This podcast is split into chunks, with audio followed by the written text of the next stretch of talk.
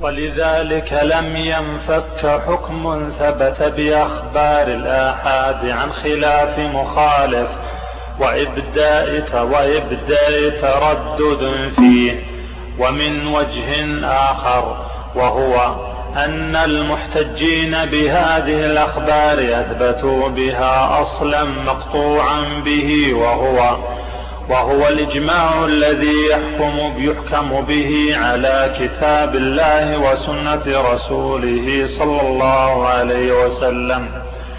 ويستحيل في العادة التسليم لخبر يرفعون به الكتاب المقطوع به إلا إذا استند إلى مستند مقطوع به. أما رفع المقطوع به بما ليس بمقطوع فليس معلوما حتى لا يتعجب متعجب ولا يقول قائل كيف ترفعون الكتاب القاطع بإجماع مستنده إلى خبر؟ مستنده إلى خبر غير معلوم الصحة. وكيف يذهل عنه جميع الأمة؟ نعم لا. الكلام السابق معناه واحد وهو أن الإجماع يقدم على الكتاب والسنة. هذا لا شك فيه. لماذا؟ لأن الكتاب والسنة يقبلان النسخ والاحتمال والتأويل يعني. أما الإجماع فلا يقبل النسخ ولا يقبل التأويل. لذلك الإجماع أقوى من الكتاب والسنة. يقول هذا المجيب هنا أو هذا الذي أتى بها بوجه الدلالة هنا يقول كيف أن الصحابة رضوان الله عليهم والتابعين إلى زمن النظام كيف أثبتوا الإجماع بهذه الأخبار التي شككت فيها وأثبتوا بها الإجماع القاطع الذي قدم على الكتاب الذي قدم على الكتاب وهم غافلون عن هذا حتى أتيت أيها النظام ونبهتهم عليه يعني لا يوجد عالم من العلماء من بعد النبي صلى الله عليه وسلم إلى عهد النظام قد لفت الناس إلى هذا الأمر إلا النظام. هذا لا يعقل هذا لا يمكن. يعني صار النظام وكأنه وحيد عصر في أنه لفت أنظار الناس بأن هذه الأدلة لا تثبت الإجماع. هذا غير صحيح. لأنه لا يثبت لا يثبت هذا القاطع وهو الإجماع الذي يقدم على الكتاب آه، والسنة إلا بقاطع مثله بل أقوى منه. وهذه الأحاديث العشرة السابقة آه، قد استفدنا منها التواتر المعنوي على أن الأمة معصومة من الخطأ. فهي قاطعة دلالتها بمجموعها. قاطع أثبت دليلا قاطعا يقدم يقدم على الكتاب والسنة. فكيف هؤلاء؟ يعني هذا الجواب كأنه يعني رد على أي متعجب أي مستغرب للأمر. كيف ما ينبه على ذلك إلا هذا النظام الذي أتى في آخر الزمان؟ هو في العصر الرابع. هذا لا يمكن هذا يستحيل عقلا وشرعا. وكيف يذهل عنه جميع الأمة إلى زمن النظام فيختص بالتنبه له وهذا وجه الاستدلال. أصلا. نعم. يعني يقصد أن كيف يذهل عنه جميع العلماء من بعد وفاة النبي صلى الله عليه وسلم إلى وقت النظام كيف يذهل عنه جميعهم إلا النظام نبه عليه؟ هذا مستحيل هذا لو نبه عليه أحد غيره أو قبله أو بعد حتى وافقه لا يقولون بأنه فيه احتمال ولكن لم ينبه إلا النظر وتبعه أبو بكر الأصم وابن علية وغيرهم ممن أقل من النظام بدعة وغير ذلك من الأمور. نعم. فصل. فصل. نعم يلا. فصل يشترط في أهل الإجماع أن يبلغوا عدد التواتر لأن الحجة في قولهم لصيام نعم. أعد العبارة. يعني ولا يشترط في أهل الإجماع أن يبلغوا عدد التواتر لأن الحجة في قولهم لصيانة الأمة عن الخطأ بالأدلة المذكورة. فإذا لم يكن على الأرض مسلم سواهم فهم على الحق يقينا صيانة لهم عن الاتفاق على الخطأ. نعم. آه بعضهم زعم بأنه يشترط آه بلوغ عدد التواتر في العلماء الذين يجمعون على أمر من الأمور. المصنف يقول تبع الجمهور طبعا يقول هذا لا يشترط. لو لم يوجد إلا عالم واحد أو عالمان في العصر فإن اتفاقهم إجماع. فإن اتفاق اتفاقهما إجماع. يجب علينا أن إيه؟ أن نتبع ما يقولان. وجوبا قاطعا. نقف على هذا وصلى الله على نبينا بسم الله. الحمد لله. والصلاة والسلام على رسول الله. نبدأ من حيث وقفنا. بسم الله الرحمن الرحيم. الحمد لله رب العالمين والصلاة والسلام على رسول الله وعلى آله وأصحابه أجمعين. اللهم اغفر لنا ولشيخنا وللحاضرين. برحمتك يا أرحم الراحمين. أما بعد قال الإمام ابن قدامة رحمه الله تعالى فصل ولا خلاف في اعتبار علماء العصر من أهل الاجتهاد في الإجماع. نعم. هذا الفصل أو هذه المسألة جواب عن سؤال مقدر السؤال يقول من هم الذين لهم الحق في الاجتماع في هذا أو في التدخل أو في هذا الشيء الذي إذا أجمعوا عليه قدم على الكتاب والسنة. من هم من الناس يعني. فقال هنا أولا أن من بلغ درجة الاجتهاد من العلماء فقد اتفق العلماء على أن لهم أن يقولوا رأيهم في المسألة. اتفق العلماء على أن لهم الدخول فيهم. إذا بلغوا درجة الاجتهاد ودرجة الاجتهاد معروف أن له شروط. الاجتهاد له شروط معروفة وستأتينا إن شاء الله بالتفصيل. نعم. ولا خلاف في اعتبار علماء العصر من أهل الاجتهاد في الإجماع وأنه لا يعتد بقول الصبيان والمجانين. أي نعم. الأول اتفقوا على دخوله اتفق العلماء على دخوله. ثانيا اتفق العلماء على خروج الصبيان والمجانين. هؤلاء هؤلاء لا يدخلون. ليس لهم رأي إذا اجتمع العلماء. مهما كانوا لو كانوا أذكياء العالم لا ليس لهم رأي في هذه المسألة. لا من حيث السلب ولا من حيث الإيجاب. لماذا؟ لنقص عقولهم. لنقص عقولهم. لذلك تجدون أنه يحجر عليهم في أموالهم. لا يتصرفون في حقوقهم الخاصة. لنقص عقولهم وضعفها. نعم.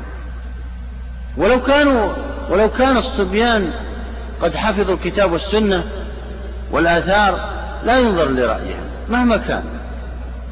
نعم. وأنه فأما العوام فلا يعتبر قولهم عند الأكثرين. نعم. واختلف اتفق اتفقوا على دخول علماء الأمة وهم من بلغوا درجة الاجتهاد واتفقوا على خروج الصبيان والمجانين. العوام من المؤمنين من المسلمين وهم الذين طلبوا العلم ولم يصلوا إلى درجة الاجتهاد. يقرؤون القرآن يقرؤون السنة ويعرفون بعض الأمور لكنهم لم يصلوا إلى درجة الاجتهاد أو أنهم لا يعرفون أن يقرأوا أو يكتبوا. فهؤلاء اختلف العلماء. هل لهم رأي إذا اجتمع المسلمون لإيجاد حكم لحادثة متجددة؟ هل لهم الدخول؟ فذهب أكثر العلماء على أنهم لا يدخلون كالصبيان والمجانين. العوام طبعا يختلفون عن الصبيان والمجانين في كمال عقولهم ولكنهم في العلم لا يعرفون أو أنهم يعرفون شيئا ويجهلون أشياء. هؤلاء العوام. ليس العام المقصود به هنا هو الذي لا يعرف يقرأ, يقرأ أو يكتب أو الذي آه، ليس عنده بعض العلم آه، بعضهم عنده علم ولكن لم يصل إلى درجة الاجتهاد فهذا يعتبر في مرتبة العامة. نعم. وقال قوم يعتبر قولهم لدخولهم في اسم المؤمنين ولفظ الأمة. أي نعم. ذهب بعض العلماء هو ذكر المذهب الراجح أولا ثم ذكر المذهب المرجوح قال بعض العلماء أنهم يدخلوا يدخل العوام. لماذا؟ للكتاب والسنة. لأن الشارع نص في الكتاب ويتبع غير سبيل المؤمنين. يقولون إن العوام من المؤمنين. أما من السنة لا تجتمع أمتي على ضلالة. والعوام من الأمة. هذا دليل نقول ادخلوا يعني بمعنى أن لهم رأيهم. نعم. هذا دليلهم الأول من نعم. النص نعم. وقال قوم يعتبر قولهم لدخولهم في اسم المؤمنين ولفظ الأمة وهذا القول يرجع إلى إبطال الإجماع. بدأ يرد على هذا القول. القول الثاني كما قلنا إنه يعتبر قولهم يعني ينظر إلى قول لا إجماع بلا حضورهم هؤلاء العوام. لأنهم من ضمن المؤمنين ومن ضمن الأمة. لعموم كأن الدليل العموم وهو عموم اللفظين. بدأ يجيب ابن قدامة عن هذا القول وعن أدلته. فقال أولا وهذا القول يرجع إلى إبطال الإجماع. إذ لا يتصور قول, قول الأمة كلهم, كلهم في حادثة واحدة. وإن تصور فمن ذا الذي ينقل قول جميعهم مع كثرتهم وتفرقهم في البوادي والقرى والأمصار. نعم. يقول في الرد على هذا إن قائل هذا القول أن العوام يعتبر قولهم إنه يريد إبطال الإجماع بهذا القول. لأنه لا يمكن أن نأخذ رأي كل واحد من الأمة من مشارق الأرض إلى مغاربها الشرق والغرب والشمال والجنوب نبحث عن أي رجل مسلم عاقل والنساء أيضا عاقلة العاقلات ونأخذ رأيهم في مسألة قد حدثت. هذا مستحيل. مستحيل الحصول. يعني غير متحقق. فهذا يبطل الإجماع. إذا لا يجمع على هذا الحال. حتى لو تصور لا يمكن مستحيل وقوعه لأنه متفرقين في الوديان والأمصار والقرى والأرياف. لا يمكن أن نجمع حتى يذهب الزمن لجمع أقوالهم تنقضي السنة وهم لم يقولوا والأمة لم تقل رأيها في هذه المسألة الحادثة. في جمع آراء نعم. ولأن العامي ليس له آلة هذا الشأن. ولأن العامي ليس له آلة هذا الشأن فهو كالصبي في نقصان الآلة. أي نعم. الثاني من إبطال قولهم هو القياس على الصبي والمجنون. العامي كالصبي والمجنون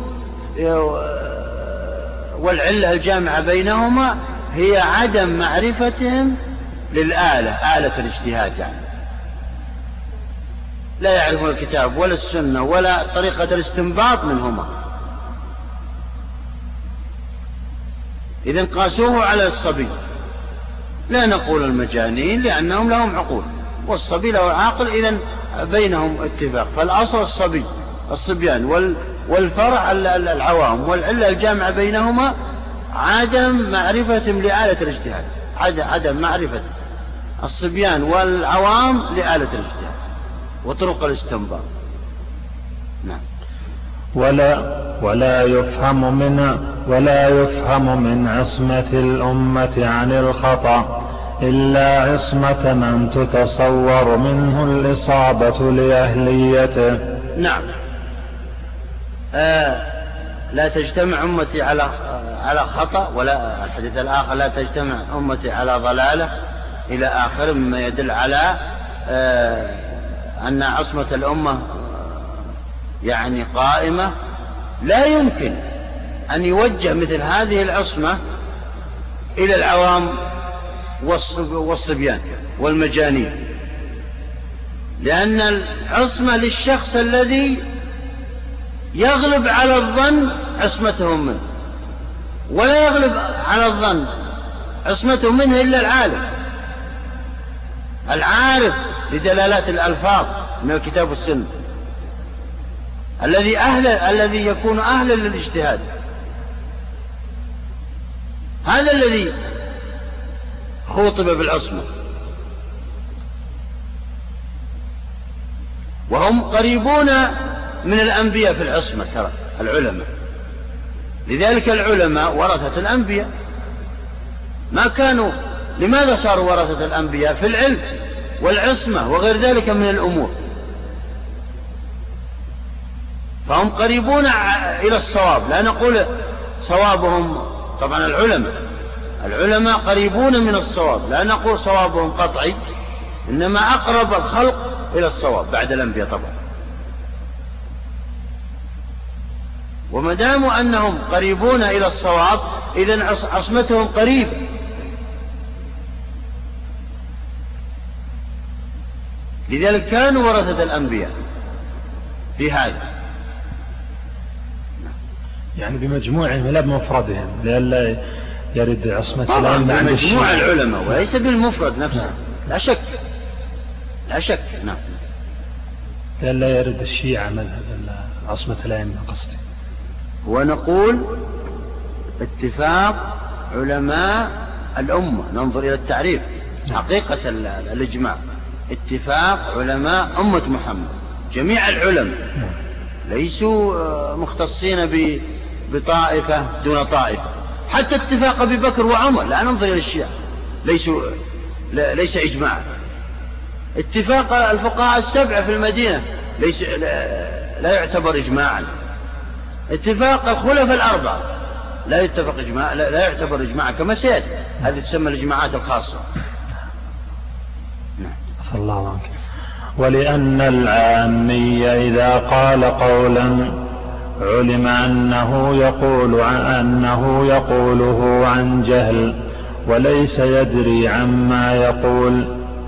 نعم. الثالث من الأجوبة هو أن العامي مقطوع بأنه لا يقول شيئا عن علم بل عن جهل وإن صادف يعني آه، الصواب فهي مصادفة اتفاقية وليست عن علم.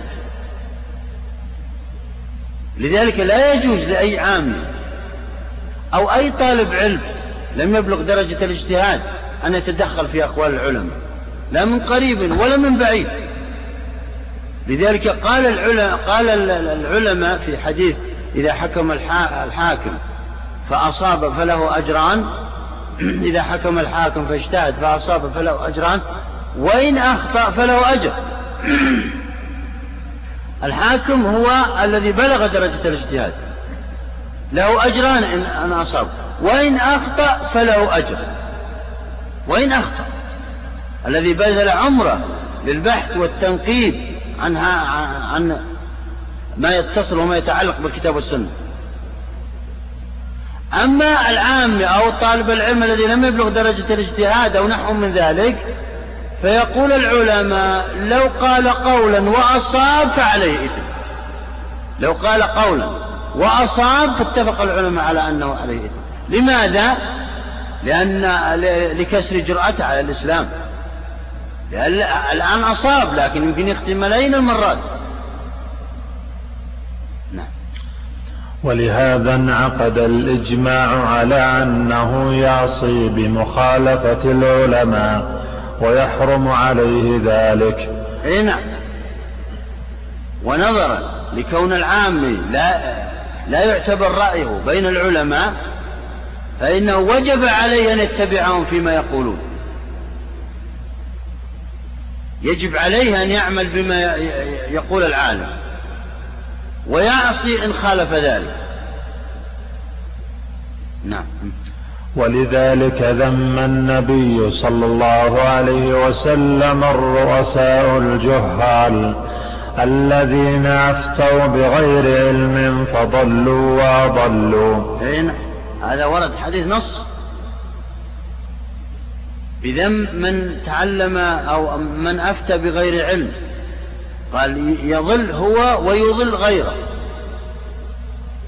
وهؤلاء العوام لا شك أنهم يقولون الشيء بلا علم فيضلون هم ويضلون غيرهم. فمن تدخل في في في قول وهو لم تكن الآلة عنده وهي درجة الاجتهاد وطرق الاستنباط من الكتاب والسنة فهو مذموم في الكتاب والسنة. وضل وأضل.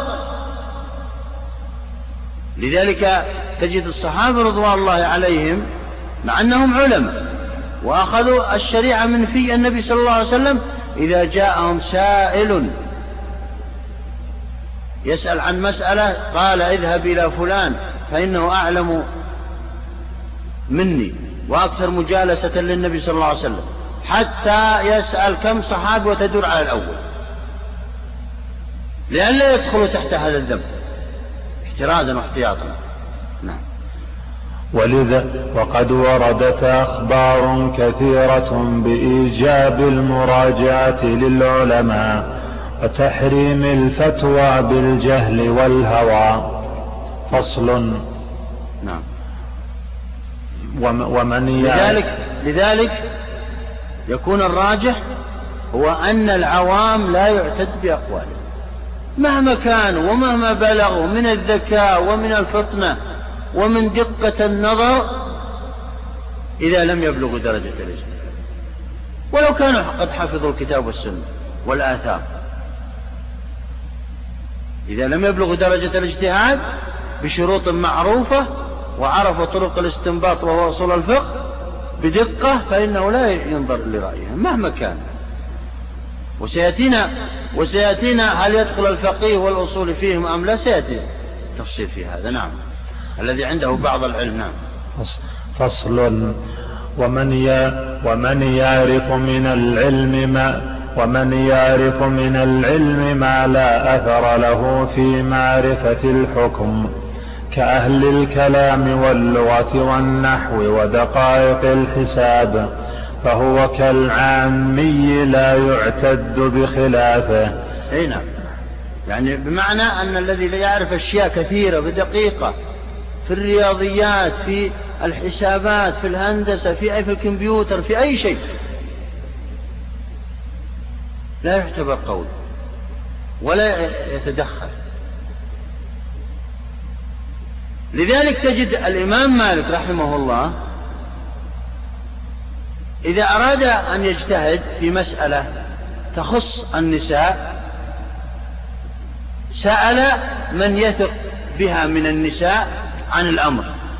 ما الذي يحدث عندكن؟ فيسأل ثلاثة فيجبنه.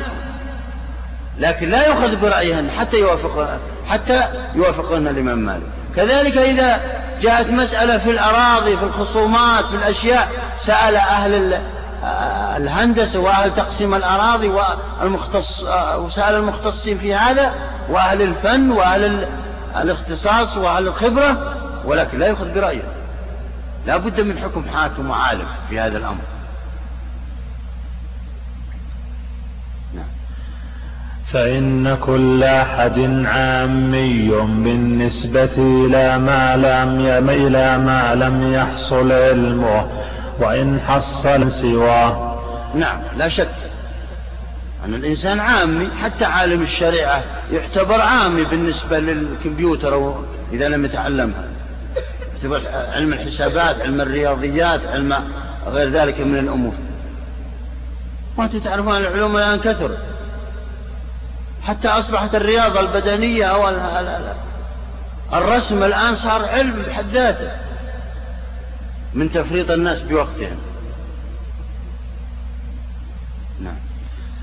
فأما الأصولي الذي لا يعرف تفاصيل الفروع والفقيه الحافظ لأحكام الفروع من غير معرفة له بالأصول أو النحوي إذا كان الكلام في مسألة تنبني على النحو فلا يعتد بقولهم أيضا.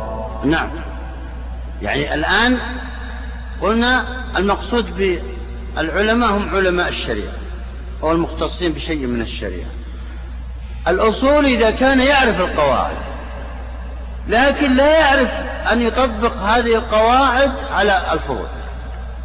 هذا لا يؤخذ رأيه الفروعي أو الفقيه الذي يعرف الفروع توس حفظ الفروع المروية عن الشافعية وعن الحنابلة وعن الحنفية وعن المالكية ولكنه لا يعرف كيفية استنباط أو كيف استنبط العلماء هذه الفروع من القواعد من قواعدها. هذا لا يؤخذ رأيه. فعلا يحفظ يقول قال فلان كذا قال فلان كذا هذا ليس بمجتهد. ولا ينظر رأيه في الاجتهاد. كذلك عالم النحو. الذي يعرف تفاصيل القواعد النحوية واللغوية التي قد يحتاجها العلماء لا يؤخذ رأيه أيضا فيها ولا يعتد بذلك تجد بعض العلماء قد تناظروا عند هارون الرشيد في مسألة بين الكسائي وأبي يوسف أظن. فقال الكسائي بحضرة الخليفة إذا سهى الإنسان بسجود السهو هل يس هل يسجد للسهو؟ إذا سهى, سهى الإنسان قال أي نعم إذا سهى الإنسان بسجود السهو هل يسجد مرة أخرى؟ فقال أبو يوسف لا لا يسجد فقال أبو يوسف يسجد لأن هذا حكم شرع فقال الكسائي لا يسجد لأن المصغر لا يصغر مرة أخرى عندنا باللغة لذلك لا يسجد للسجود. فوافقه الفقهاء وغلبوه على أبي يوسف مع أن أبي يوسف فقيه. فهنا رأي الكسائي هذا. هل معنى ذلك أنه يؤخذ رأيه في في آه، إجماع أهل الشريعة؟ لا يؤخذ رأيه مع أنه آه، فقيه الكوفيين في في في النحو يعني. نعم. عالم أو إمام الكوفيين في النحو نعم.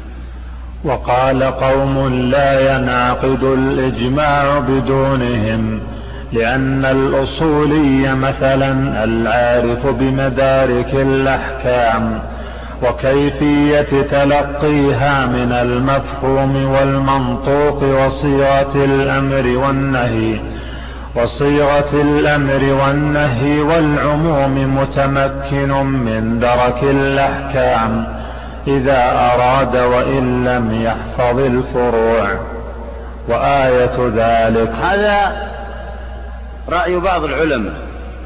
يقول إن الأصول له تدخل في الاجتهاد ويعرف القواعد الأصولية من عموم وخصوص ومطلق ومقيد ومجمل ومفصل وأوامر ونواهي إلى آخره فهو يستطيع أن يستنبط الحكم وإن لم يعرف طرق الاستنباط بدقة. هذا رأي. ودليل ذلك قالوا الوقوع من بعض الصحابة. نعم. وآية ذلك أن العباس وطلحة والزبير رضي الله عنهم ونظراءهم ونظراءهم ممن لم ينصب نفسه للفتيا ممن لم ينصب نفسه للفتيا نصب العبادلة. وزيد بن ثابت ومعاذ رضي الله عن الجميع يعتد بخلافهم. وكيف لا؟ وهم نعم. يقولون هنا استدل أصحاب هذا المذهب بأن الأصول العارف لهذه القواعد له تدخل في إجماع العلماء وله رأيه ويؤخذ رأيه ويعتبر. يقول إن هؤلاء الصحابة كالعباس والزبير وطلحة هم لم يجعلوا أنفسهم للفتية ولم آه، تنقل أو لم يتوجهوا للناس فتياهم كالعبادة عبد الله بن مسعود وعبد الله بن عباس إلى آه، وعبد الله بن عمر هؤلاء العباد اللي يسمون. آه، فهؤلاء مجتهدون وإن لم يعرفوا تفاريع الفقه يقول. فلم يمنع ذلك أنهم لا يعرفوا تفاريع الفقه أو أنهم لم يزاولوها أو لم يكتسبوا خبرة بها فإنهم مجتهدون. لذلك لماذا مجتهدون لأنهم يعرفون الكتاب والسنة وكيفية الاستنباط. لكنهم لم ينصبوا أنفسهم لهذا. نعم. وآية نعم. طيب. وآية ذلك أن العباس وطلحة والزبير ونظراءهم ممن لم ينصب نفسه للفتيا ممن لم ينصب نفسه للفتيا نصب العبادلة وزيد بن ثابت ومعاذ يعتد بخلافهم. وكيف لا وهم يصلحون للإمامة العظمى؟ وقد سمي بعضهم في الشورى. ولم يكونوا ولم يكونوا يحفظون الفروع بل لم تكن الفروع موضوعة بعد. لا. يقول يعتد بخلافهم. هؤلاء مع أنهم يعرفون القواعد العامة مثل الناسخ والمنسوخ ومثل المصالح ودرء المفاسد وأخبار الآحاد وغير ذلك. فهم يعتبر أقوالهم ويعتبر خلافهم وموافقتهم. لا بد من اعتباره نعم. لكن عرفوا الكتاب والسنة وكانوا أهلا لفهمهما والحافظ للفروع قد لا يحفظ دقائق مسائل الحيض والوصايا. هذا الأول الدليل الأول لهم لهؤلاء المخالفين سيأتي الرد عليهم. هو الوقوع وهو من هؤلاء الصحابة المذكورين. الدليل الثاني بدأ به الآن. قال والحافظ للفروع قد لا يحفظ دقائق مسائل الحيض والوصايا فأصل هذه الفروع لهذه الدقائق. نعم. يقول إذا كانت حجتكم أنها أن العارف للأصول لا يعرف دقائق الفروع فكذلك العارف للفروع قد تخفاه بعض التفاصيل بعض الأبواب من الفقه. ومع ذلك لا يمنع من مجاراة العلماء. فكذلك هؤلاء لا يمنعون بل يعتد بخلافه فلا فرق بينهم. نعم. ولنا أن من لا يعرف الأحكام لا يعرف النظير فيقيس عليه. اي نعم لنا يعني يقصد أن الأصولي غير العارف للفروع والفروع غير العارف للأصول والنحوي غير العارف للشريعة وقواعدها. هؤلاء لا يعتد بخلافهم ولا بموافقتهم في الإجماع. من الأدلة على ذلك ما يلي. ومن يعرف كيفية الاستنباط مع عدم معرفته. ولنا ولنا ولنا أن من لا يعرف الأحكام لا يعرف النظير فيقيس عليه. ومن يعرف كيفية الاستنباط مع عدم معرفته ما يستنبط منه لا يم لا يمكنه الاستنباط. أي نعم. يقول لنا دليل التلازم وهو أنه يلزم من عدم معرفة الإنسان للأحكام الدقيقة الشرعية واشتغاله الفروع الفقهية يلزم من ذلك عدم صحة اشتغاله بالقواعد بدون فروع. يعني بمعنى الذي يشتغل بالقواعد فقط بدون أن يطبقها بالفروع لا يستطيع أن يقيس هذا على ذاك. مستحيل والقياس باب عظيم في الفروع الفقهية وغيره. فإذا عرف الإنسان الفروع والأحكام الشرعية إذا حدثت حادثة فإنه يقيس على على فرع من الفروع التي تعلمها ويستعمل باب القياس في ذلك ويجمع شروط الأصل ويجمع شروط الفرع ويجمع شروط العلة فيصح قياسه. أما الإنسان عرف شروط الأصل والفرع والعلة وأفنى عمره لأجل هذا ومع ذلك ليس عنده فرع يطبق هذا. هذا صحيح أنه عرف القواعد ولكنه لم يطبقه على الفروع. مثل حكاية أغلب الأساتذة عندنا. تجدونهم يدرسون الأصول. والطلاب يدرسون الفقه على أساتذة قسم الفقه. فيشتكي الطلاب. يقولون الفقه ندرس وهو في وادي والأصول في واد آخر. مع أن اسم الكتاب اسم الموضوع أصول فقه. وهذا من من من نتائج فصل الأصول عن الفقه. والفصل هذا غير صحيح. ولكن الإدارات والأمور هذه يؤخذ به المهم فالإنسان إذا لم يعرف أن, أن يطبق هذه القواعد على الفروع فإنه لا يتدخل في الإجماع لا بخلاف ولا يؤخذ رأيه لا بخلاف ولا بالموافقة لأنه لم يمرن نفسه على هذه الأمور. وكذلك من يعرف النصوص ولا يدري كيف يتلقى الأحكام منها كيف يمكنه كيف يمكنه تعرف الأحكام؟ نعم كذلك الشخص الحافظ الكتاب والسنة والآثار لكنه لا يستطيع استنباط أي حكم من الأحكام. لا يمكن لعدم معرفة الأصول القواعد فهذا أيضا لا ينظر لرأيه. وأما الصحابة رضي الله عنهم الذين ذكروهم وهم العباس وطلحة والزبير نعم. فقد كانوا يعلم يعلمون أدلة الأحكام وكيفية الاستنباط وإنما استغنوا بغيرهم واكتفوا بمن سواهم والله أعلم. يعني وأما ما وأما حجتهم بالصحابة الذين ذكروهم وأنهم يصلحون للفتية ولكنهم لم يتولوها فهم يعتد بخلافه نقول نعم يعتد بخلافه نوافقكم على ذلك.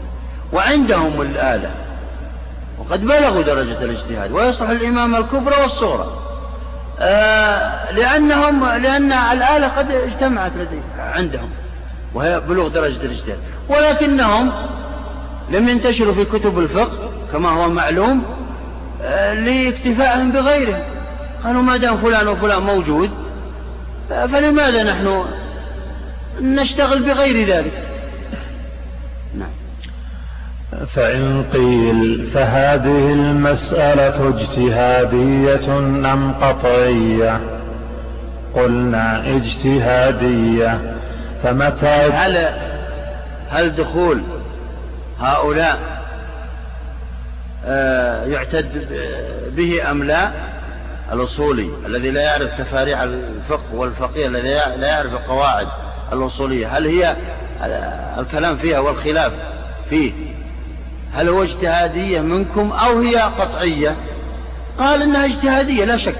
لماذا؟ فمتى جوزنا أن يكون قول واحد من هؤلاء معتبرا فخالف؟ فخالف لم يبق الإجماع حجة قاطعة. يعني يقصد أنه أن مخالفتهم عند عند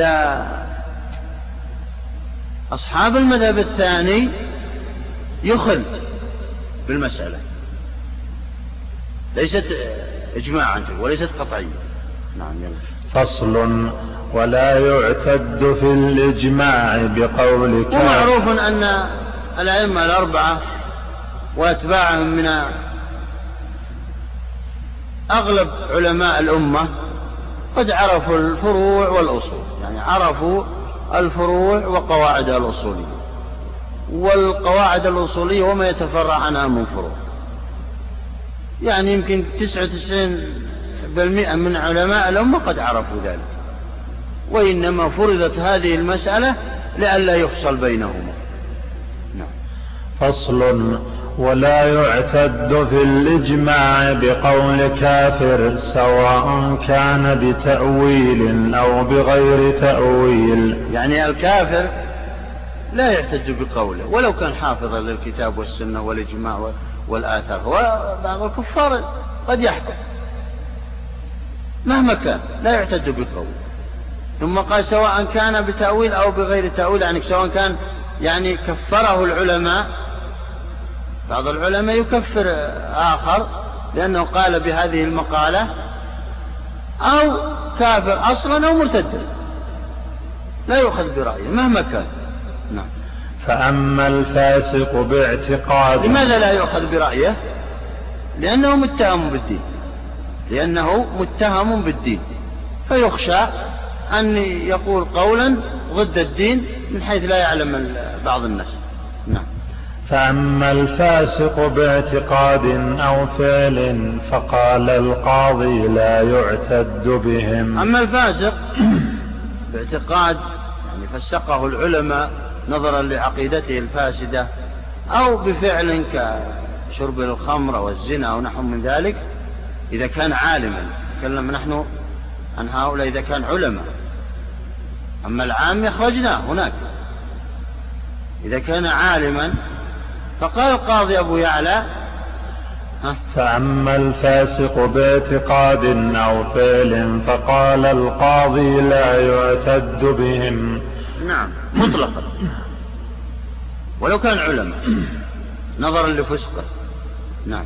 وهو قول جماعة لقوله تعالى وكذلك جعلناكم أمة وسطا لتكونوا شهداء على الناس أي عدولا وهذا غير عدل فلا تقبل روايته ولا شهادته ولا قوله في الإجماع. لا شك أن الفاسق لا يعتد بخلافه ولا بوفاقه ولا بأي شكل من الأشكال.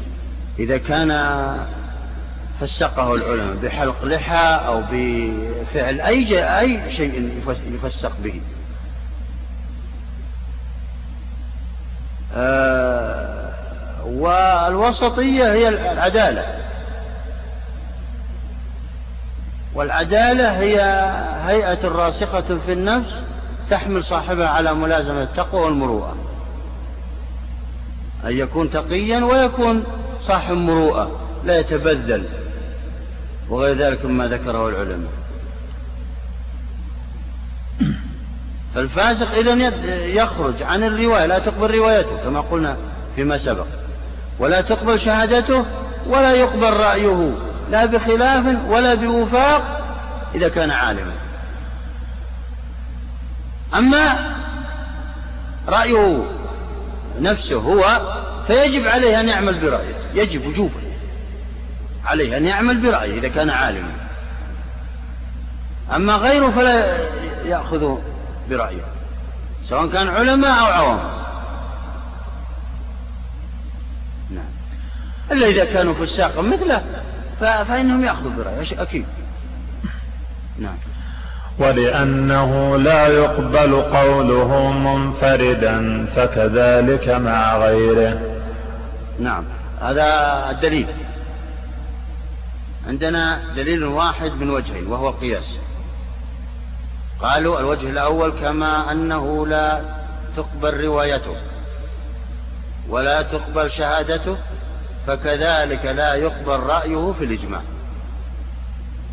والجامع عدم الثقة به في كل.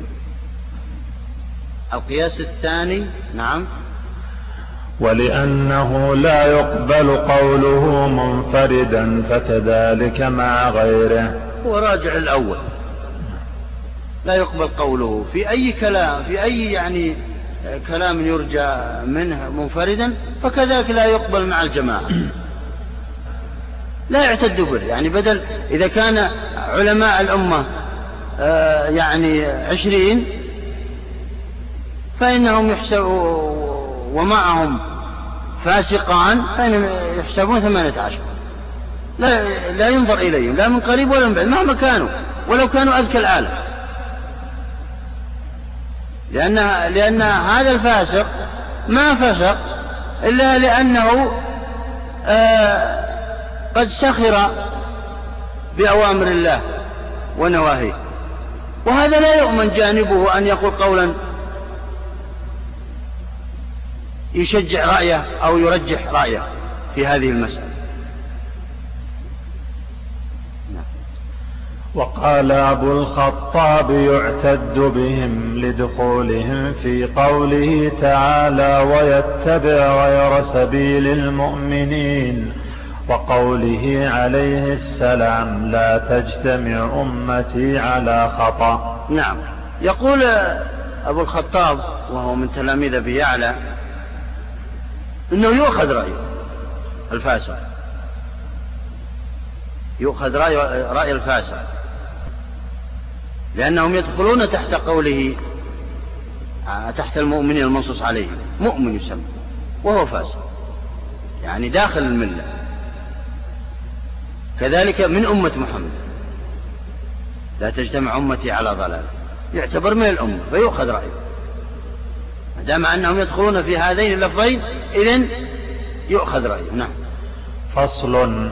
إذا بلغ التابعي رتبة الاجتهاد في عصر الصحابة رضي الله عنهم اعتد, اعتد بخلافه في الإجماع عند الجمهور. نعم. واختار. إذا بلغ التابعي رتبة الاجتهاد في عصر الصحابة كسعيد بن المسيب مثلا. فإنه والحسن البصري. فإنه يعتد بوفاقه وبخلافه. لا يمكن أن تجتمع الأمة بدونه. ينظر إلى رأيه. يعني الصحابة لا بد أن يجتمع معهم هؤلاء التابعون. إذا بلغ درجة الاجتهاد.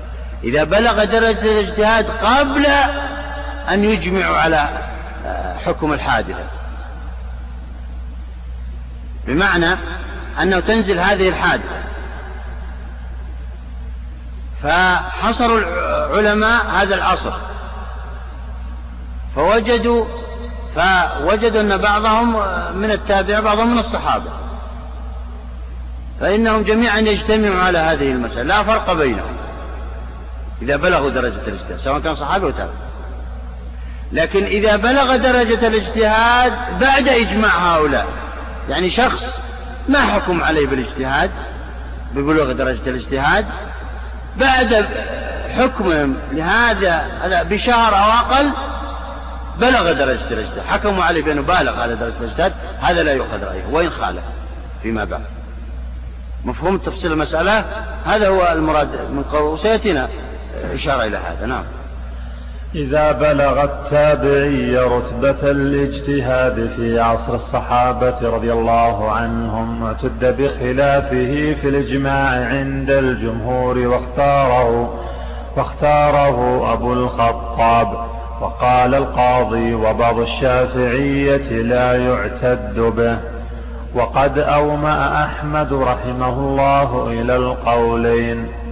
أومأ يعني أضعف من الإشارة. الإيماء أضعف من الإشارة. عبارات وردت عن الإمام أحمد دلت عبارات بعيدة يعني دلت على أن آه، التابع لا ينظر إلى رأيه مع الصحابة. نعم. وهذا مرجوح طبعا سيأتينا الجواب عنه نعم. وقد أومأ أحمد رحمه الله إلى القولين. وجه قول القاضي رحمه الله أن الصحابة رضي الله عنهم شاهدوا التنزيل. يعني لا وجه قول القول الثاني. وهم القائلون بأن بأنه لا ينظر إلى رأي التابع مع وجود صحابي أبدا. نعم. وجه قول القاضي رحمه الله أن الصحابة رضي الله عنهم شاهدوا التنزيل وهم أعلم بالتأويل وأعرف بالمقاصد وقولهم حجة على من بعدهم فهم مع التابعين كالعلماء مع العامة ولذلك قدمنا تفسيرهم وأنكرت عائشة نعم. هذا الدليل الأول.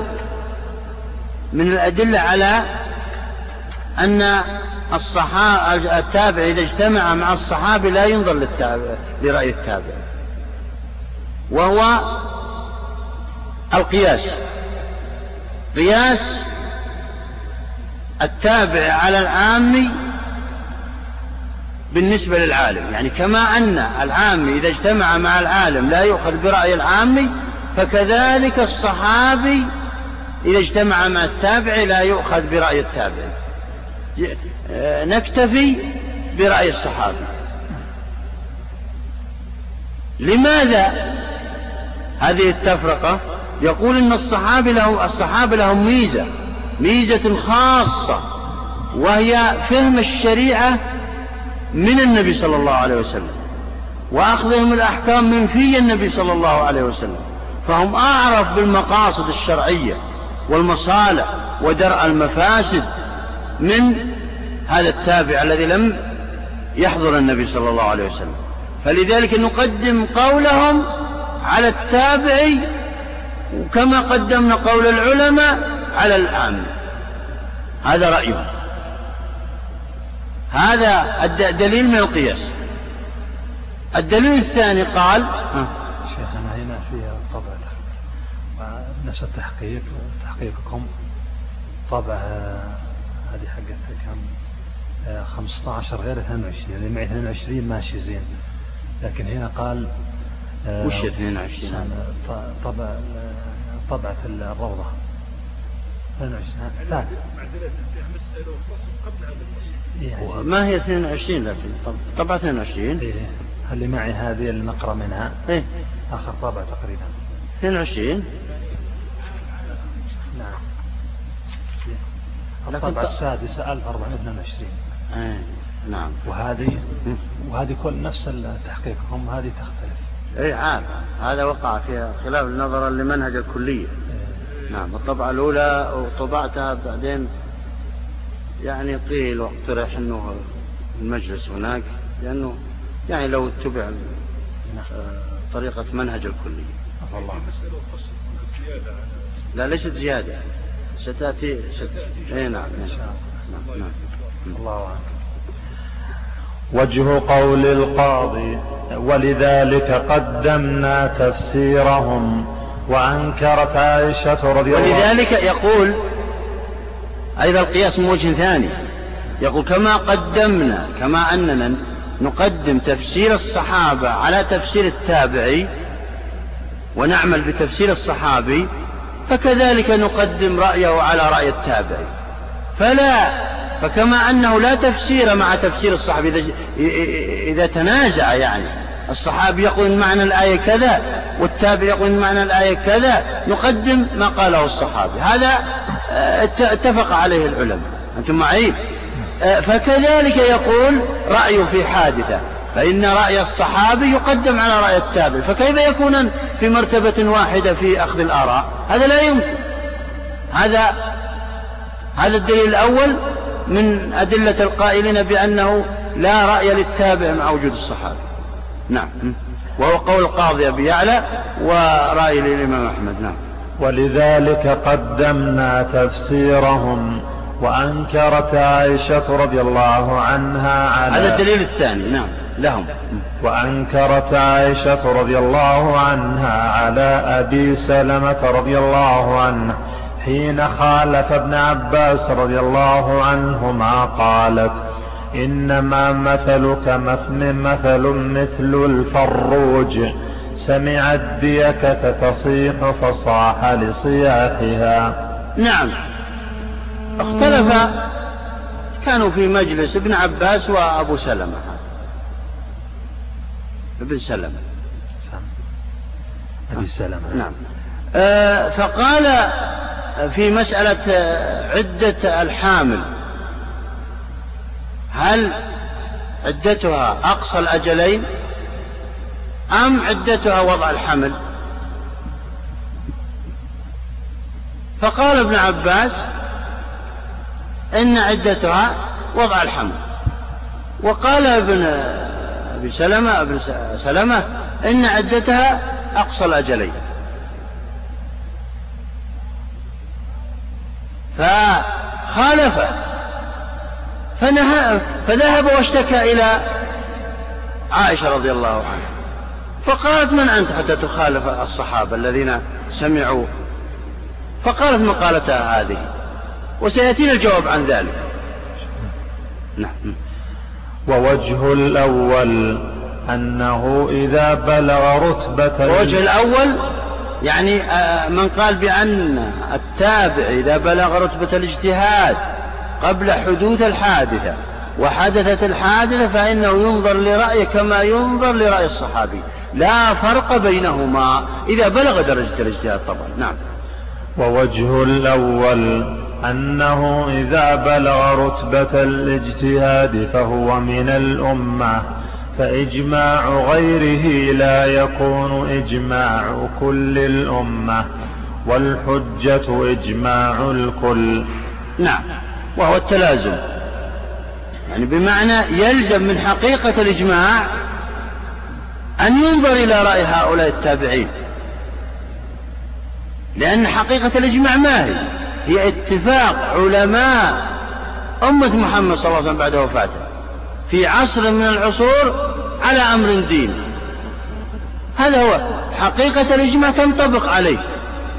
فهم فيلزم من حقيقة الإجماع أن ينظر لرأيه لأنه عالم من علماء الأمة الآن. فلا فرق بينه وبين الصحابي في شيء. إذا بلغ درجة الإجتهاد طبعا وقال علماء الأمة. نعم.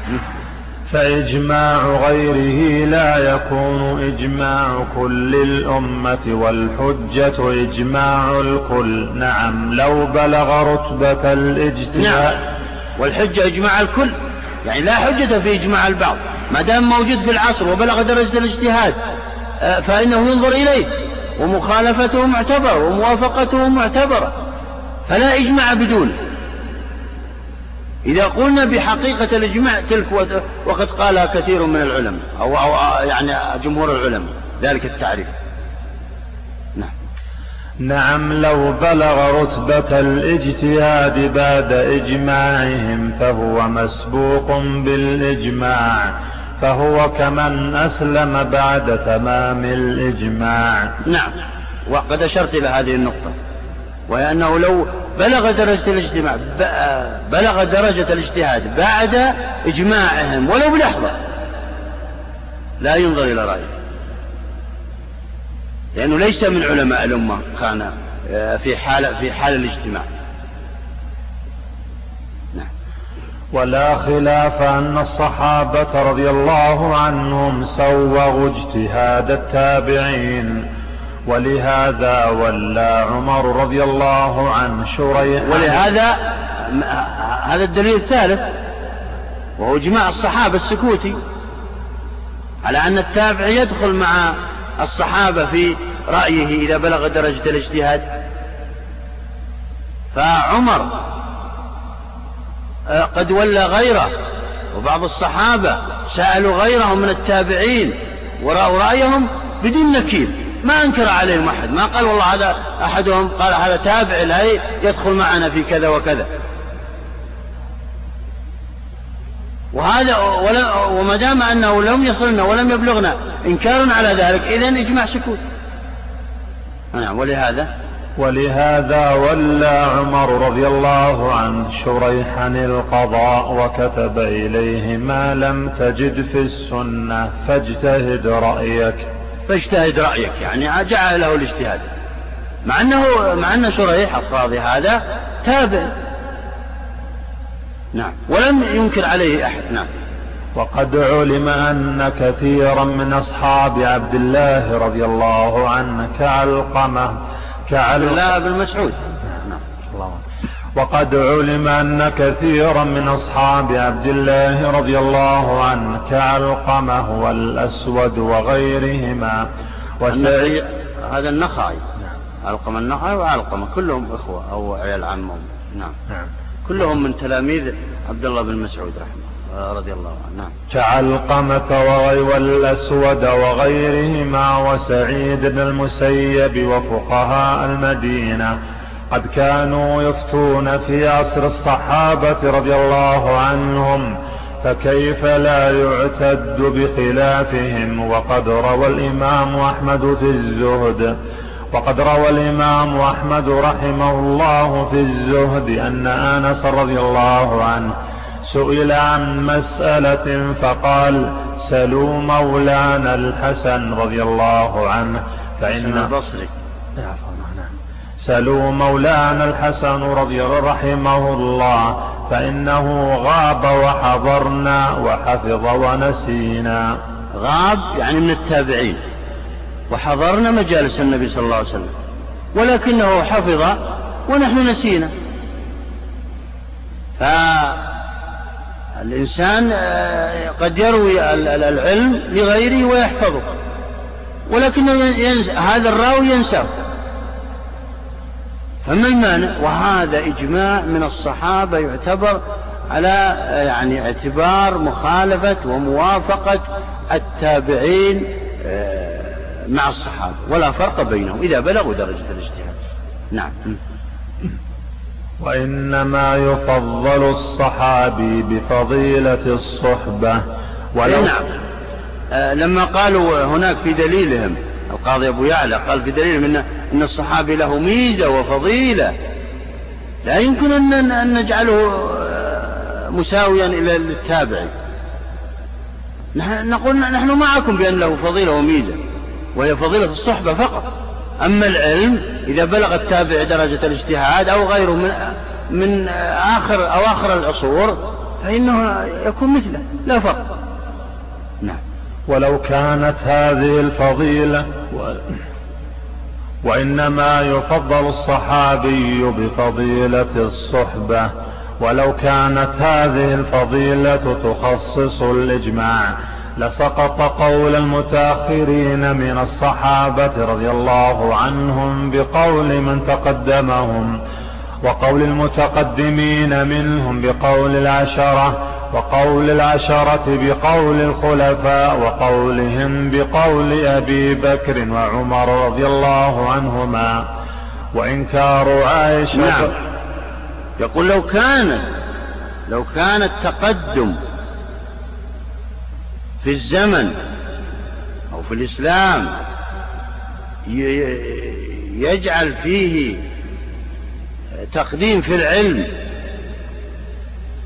لا حصل أو للزم من ذلك تقديم من تقدم من الصحابة على من تأخر. وللزم من ذلك أن نقدم أقوال وآراء العشرة على من دونهم. ويلزم من ذلك أن نقدم أبي بكر والخلفاء الأربعة على من على من سواه ويلزم من ذلك أن نقدم رأي أبي بكر وعمر على علي وعثمان وهكذا. وهذا لم يحصل في الشريعة. كان عمر رضي الله عنه إذا حصلت مشكلة أو حادثة جمع جميع الصحابة صغارهم وكبارهم. ونظر وشاورهم في الأمر. فلذلك التقديم في الزمن ليس مؤثرا في التقديم في العلم. إذا تساوي في شيء مشروط وهو بلوغ درجة الاجتهاد. وإنكار عائشة رضي الله عنها على أبي سلمة مخالفة ابن عباس قد خالفها أبو هريرة فقال أنا مع ابن أخي ثم هي قضية في عين نعم يقول إن مخالفة أبي سلمة الذي احتجوا به أصحاب المذهب الثاني لا يصلح أن يكون حجة لأن أبا هريرة مع أبي سلمة. ناصره وقال إن إن إن الحامل تنقضي عدتها بأقصى الأجلين وهو رأي أبي هريرة. فلذلك نظر إلى رأيه.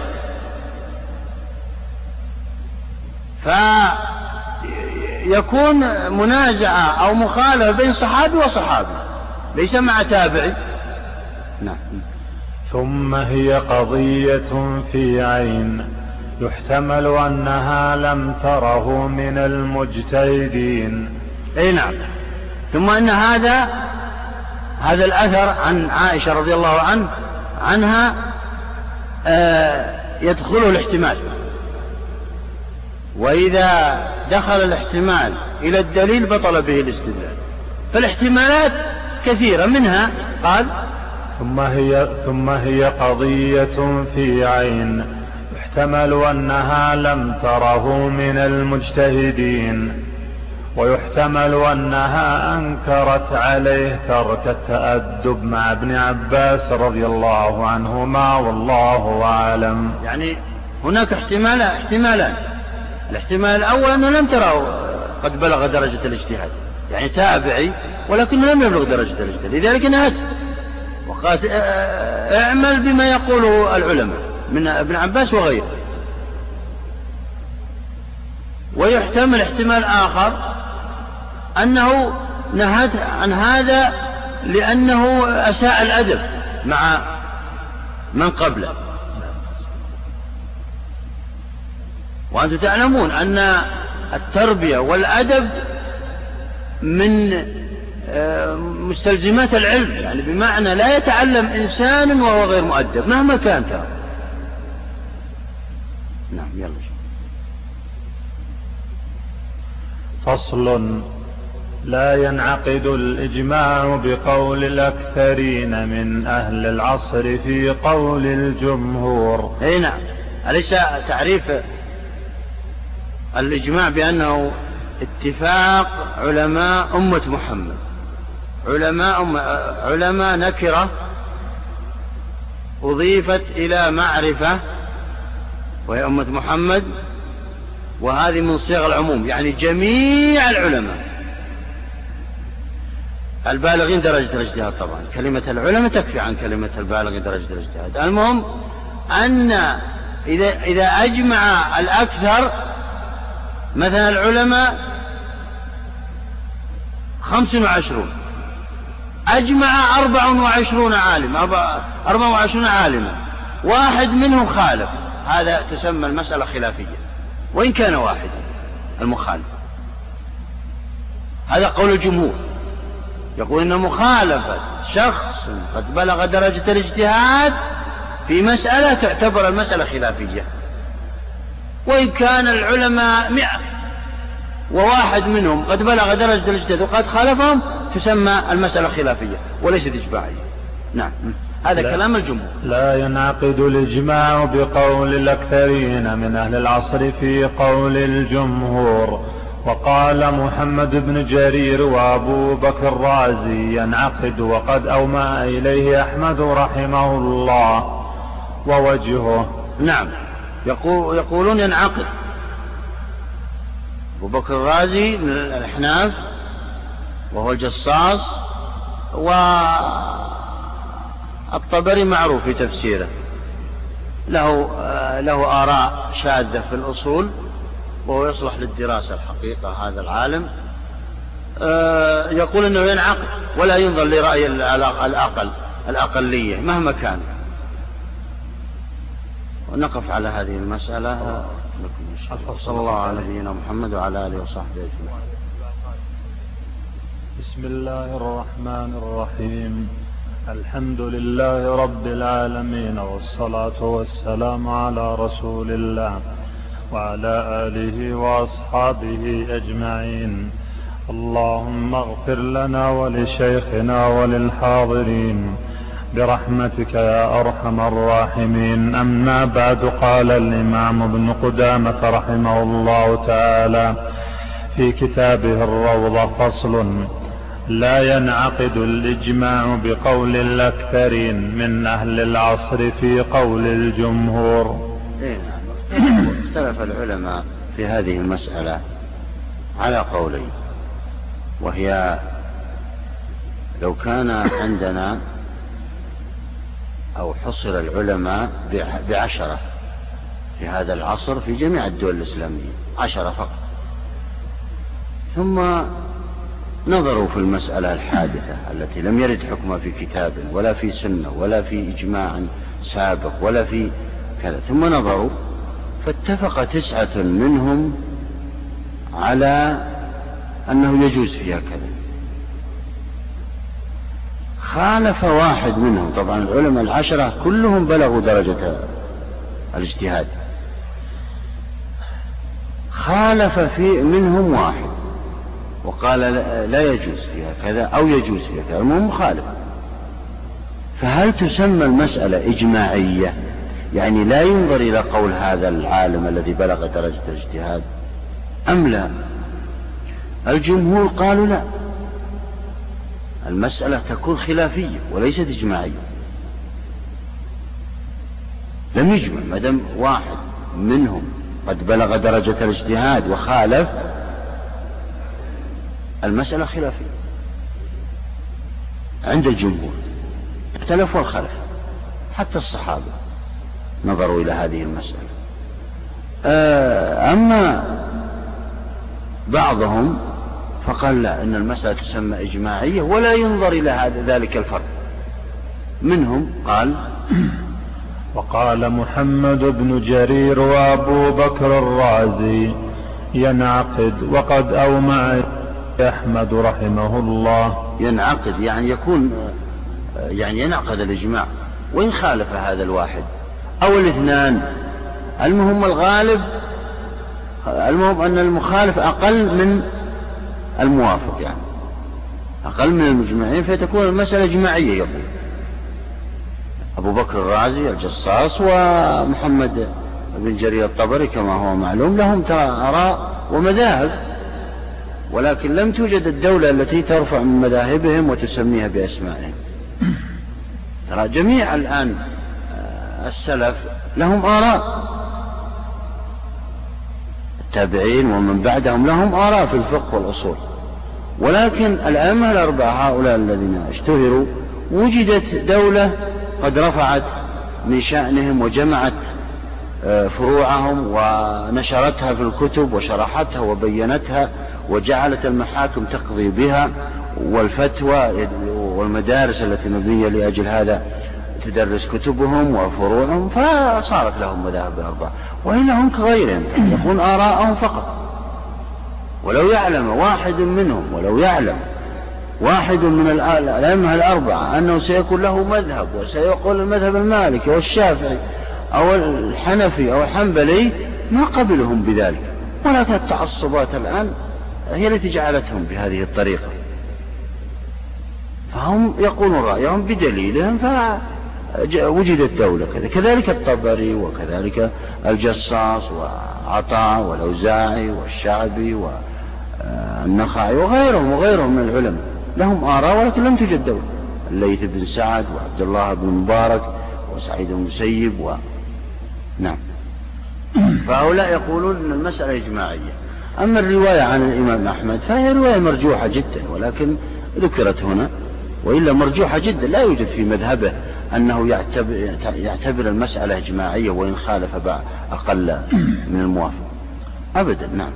ووجهه ووجهه أن مخالفة الواحد شذوذ عن الجماعة وهو قد وهو وهو قد نهى عنه. قال عليه السلام عليكم بالسواد الأعظم وقال الشيطان مع الواحد وهو من الاثنين أبعد نعم. هم استدلوا بالنص. هذان الحديثان استدل أصحاب المذهب الثاني على أن المسألة إجماعية ولا ينظر لقول لمخالفة هذا المخالف استدلوا بالنص بهذين الحديثين.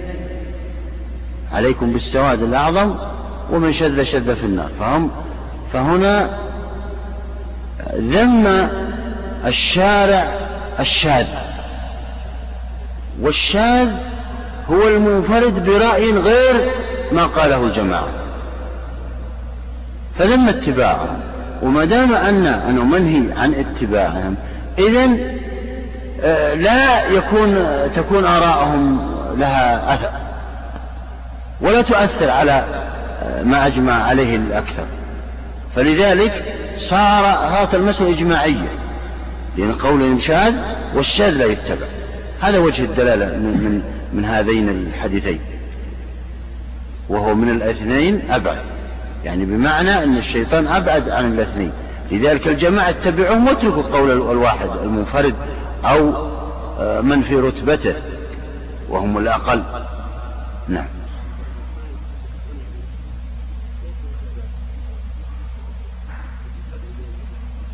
سيأتي. ستأتي الردود. سيأتي الردود. الجمهور الآن ما بدأنا فيه والجمهور ردوا عليهم بهذا الكلام نعم. ولنا ولنا أن العصمة إنما تثبت للأمة بكليتها وليس هذا إجماع الجميع. نعم. بل هذا ترى هذا الكلام وهذا الدليل دليل سيتكرر في مسائل ستأتي. مسألة هل إجماع الخلفاء الأربعة. حجة هل إجماع الأئمة الأربعة؟ حجة هل إجماع أهل المدينة؟ حجة.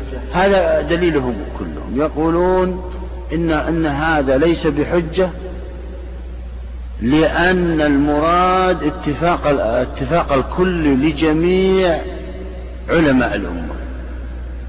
علماء الأمة. وهذا ما دام أنه مخالف عالم وقد خالف إذا ما في اتفاق. إذا تكون المسألة خلافية. أعد ولنا. ولنا أن العصمة إنما تثبت للأمة, للأمة بكليتها وليس هذا إجماع الجميع بل هو مختلف فيه. أين يعني العصمة لما قالوا إن إن الإجماع يجب أن نتبعه قطعا يعني آه لأن قولهم معصوم عن الخطأ. لا يمكن أن يتفق جمهور أو كثير العلماء كلهم على شيء خطأ. فقولهم معصوم كقول النبي صلى الله عليه وسلم يقولون. فلذلك مخالفتهم آه، لا تجوز بالنسبة للعوام. لكن ما دام أن هناك عالم من العلماء قد بلغ درجة الاجتهاد وقد خالفهم إذا لم يتفقوا على هذا. فهو منهم. ويشاركهم العلم بالكتاب والسنة. ولعل له عند ولعل عنده اطلاع أكثر منهم. فلذلك تسمى المسألة خلافية لا تسمى آه، وفاقية أو إجماع. نعم. وقد قال الله تعالى فإن تنازعتم في شيء فردوه إلى الله وقال تعالى وما اختلفتم فيه من شيء فحكمه إلى الله. نعم.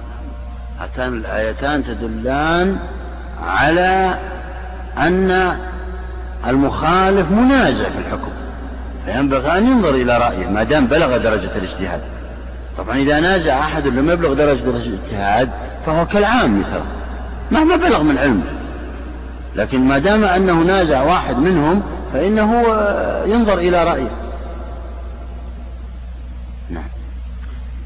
فإن قيل قد يطلق اسم الكل على الأكثر قلنا هذا مجاز. نعم. اعترض أصحاب المذهب الثاني بهذا الاعتراض. قالوا إن إنه معلوم من اللغة العربية أن أنه يطلق الكل على الأكثر. إذا مثلا أجمع التسعة نطلق عليهم أنه إيه؟ أنه قد أجمع العلماء على ذلك دون النظر إلى الواحد.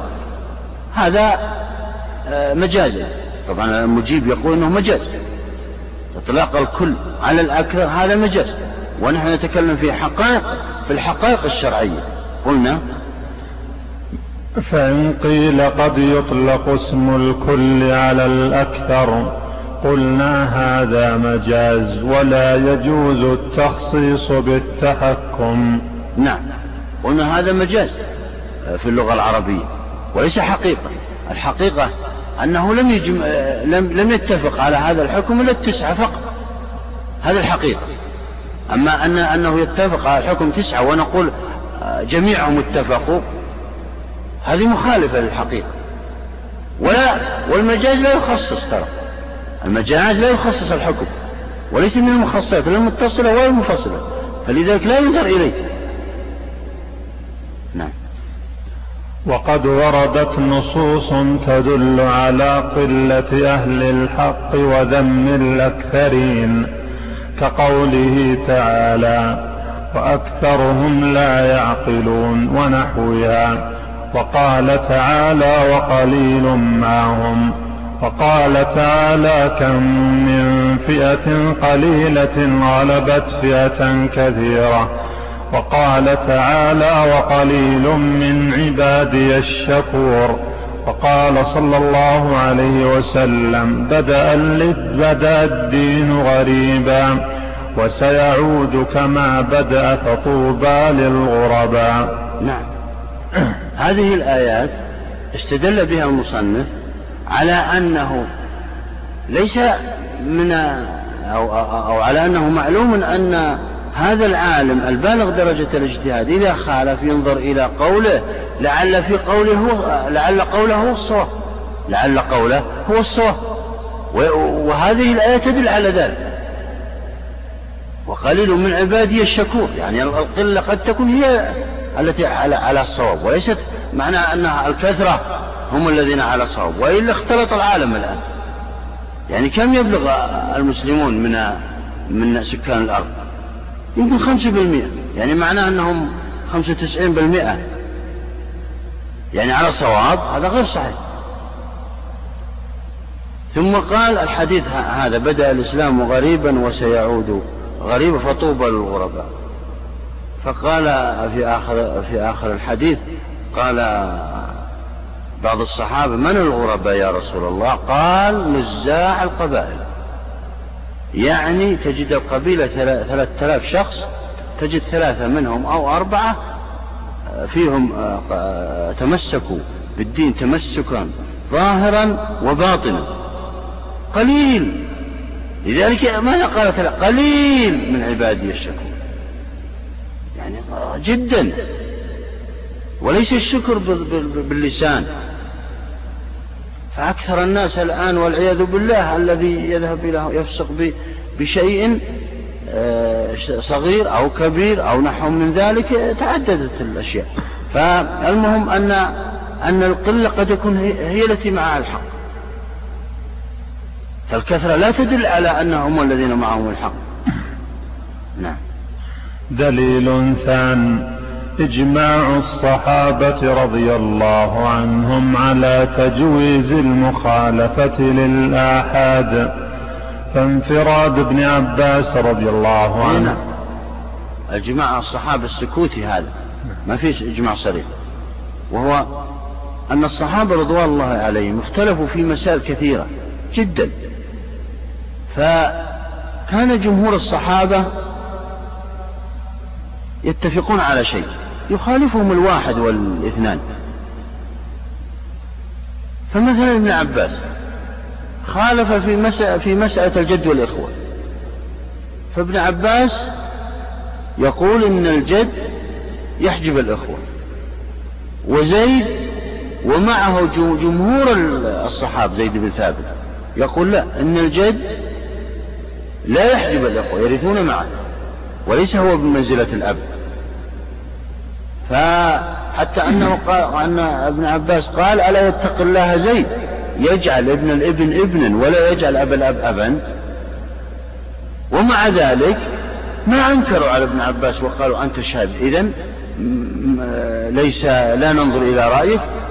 والمسألة حتى أن عمر رضي الله عنه في وفاته قبل وفاته بساعات يفكر في مسألة الجد والإخوة.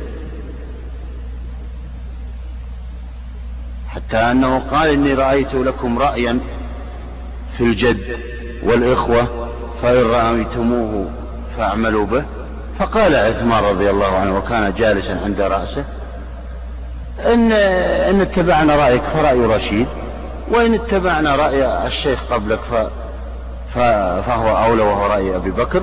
المهم أنهم سموها مسألة خلافية ولم يسموها مسألة إجماعية مع أن المخالف ابن عباس وهو صغير أيضا لأنه بلغ درجة الاجتهاد في أواخر في أواسط عهد عمر. من المسائل التي خالف فيها ابن عمر أيضا؟ المتعة. المتعة متعة النساء. لكن طبعا بعد ذلك رجع عن قوله. كذلك حصره الربا في النسيئة فقط. والربا في النسيئة والصرف وغيره وربا الفضل وربا النسيئة. جميعا. حتى سمع حديث أبي سعيد الخدري إلى آخر المسألة. ومع ذلك سميت المسألة خلافية. ولم ينكر أحد على ابن عباس.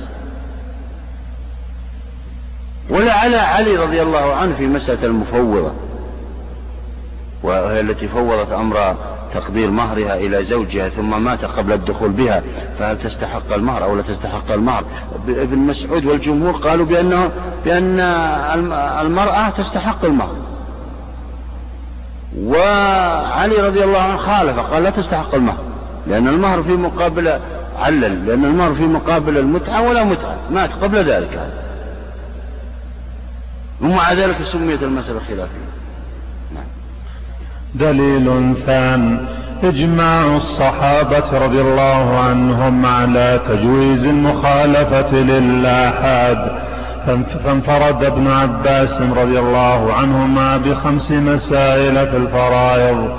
وانفرد ابن مسعود بمثلها فإن قيل نعم. هذا هو الدليل الثاني وهو إجماع الصحابة السكوتي. لم ينكروا على أي واحد يخالف منهم لأنهم كلهم بلغوا درجة الاجتهاد وهم عدول فما أنكروا عليه.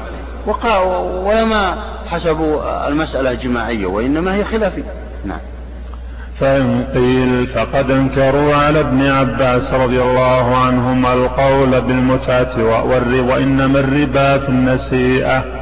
وأنكرت عائشة رضي الله المخالف أصحاب المذهب الثاني قالوا لا نسلم أنهم لم ينكروا بل أنكروا.